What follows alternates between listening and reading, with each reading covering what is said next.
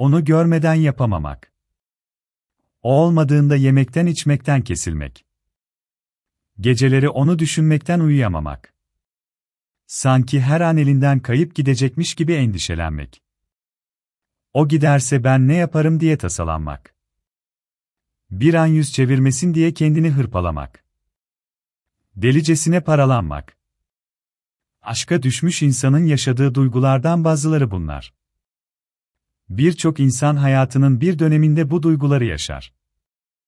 Yaşaması da gerekir. Aşk olgunlaştırır, ayrılık da ilişki seviyesini belirler. Her bir aşk macerası bir sonraki ilişkinin daha sağlıklı olması için yaşanmış bir tecrübedir. Aşk bir ilişkinin çocukluk çağı gibidir de. Bir insan hayata heyecanla başlar. Duygu dünyası fantezilerle ve hayallerle süslenir. Ama olgunlaştıkça ve tecrübelendikçe bu çocuksu duyguların yerini üretme, paylaşma, ahlak gibi değerler alır. Arada çocuksulaşır ama olguncasına. Birbirine aşık iki insanın yaşadığı ilk dönem yani aşk dönemi çocukluk dönemi gibidir. Heyecanlı, fırtınalı ve coşkulu geçer.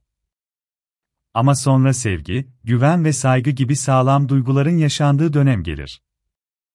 Eğer bu döneme geçilebilirse ilişki kalıcı ve doyurucu olur. Aksi takdirde aşkta fiske olmuş bir ilişki halini alır. Gelişimini tamamlayamamış bir çocuk gibi olgunlaşamaz. Olgunlaşamayan bir ilişki ya biter ya da hastalıklı bir aşka dönüşür. Hastalıklı aşk, eskilerin tabiriyle, marazi aşk, takıntılı aşk, patolojik aşk veya narsisistik, bencil aşk diye de adlandırılır. Burada aşık ilişkiyi bir benlik mücadelesine dönüştürür. Onun için maşuk benliğini besleyen bir nesnedir. O olmazsa yaşayamaz, o olmazsa mutlu olamaz, o olmazsa kendini güçlü hissedemez. Bu korku ve tutku aşıkın samimiyetini bozar. Ya her şeyi alttan alan, her şeye acı çektiği halde katlanan ya da karşısındakini aşırı kontrol eden, bunaltan bir kişi haline gelir. Karşısındaki için çok şey yaptığını zanneder ama asıl gayesi benliğini kurtarmaktır. Hani ilahi aşkla mecazi aşk arasındaki fark nedir diye sorulur ya. İşte budur. İlahi aşkta benlik gitgide yok olur, mecazi aşkta ise bir balon misali gitgide şişer, devasa boyutlara ulaşır. Doyurulamaz ve tatmin edilemez olur. Birliktelik artık katlanılamaz hal alır. Maşuk kaçmaya başlar. Her fırsatta kavgalar olur.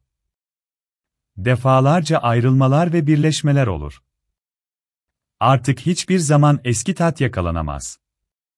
Tılsım bozulmuştur bir kere. İlişki gangrene olmuştur. Birinden birini kesip atmanız gerekir. Yani en büyük çare ayrılıktır. Aşk hastalığının altında birçok sebep yatabilir. Bazı taşkınlık tabloları kendisini hastalıklı aşk şeklinde gösterebilir. Klinik deneyimlerimiz aşk hastalıklarının altından azımsanmayacak derecede taşkınlık hastalığının yattığını göstermektedir. Takıntı hastalığının bazıları aşk takıntısı şeklinde ortaya çıkabilir. Depresyon benliği zayıflattığı için patolojik aşka sebep olabilir. Bağımlı, takıntılı, narsisistik, sınır kişiliklerde takıntılı aşk yaşamaya meyillidirler. Bazı insanlarda ayrılmayı birinin kaybı gibi değerlendirmeden dolayı patolojik yas reaksiyonu gelişebilir. Böyle bir aşk eğer ayrılık sonrası, bir ay içinde gitgide azalıp geçiyorsa bir sorun yoktur. Tabii ki aşık olduğu birinden ayrılan bir insan üzülecektir, ağlayacaktır, sıkıntı duyacaktır, özleyecektir. Ama bunların makul bir sürede geçmesi gerekir. Geçmiyor ve gördüğüm halini alıyorsa altında bir psikiyatrik durumun olduğunu düşünmek gerekir. Bu durumda yapılması gereken bir uzmana danışıp yardım almaktır.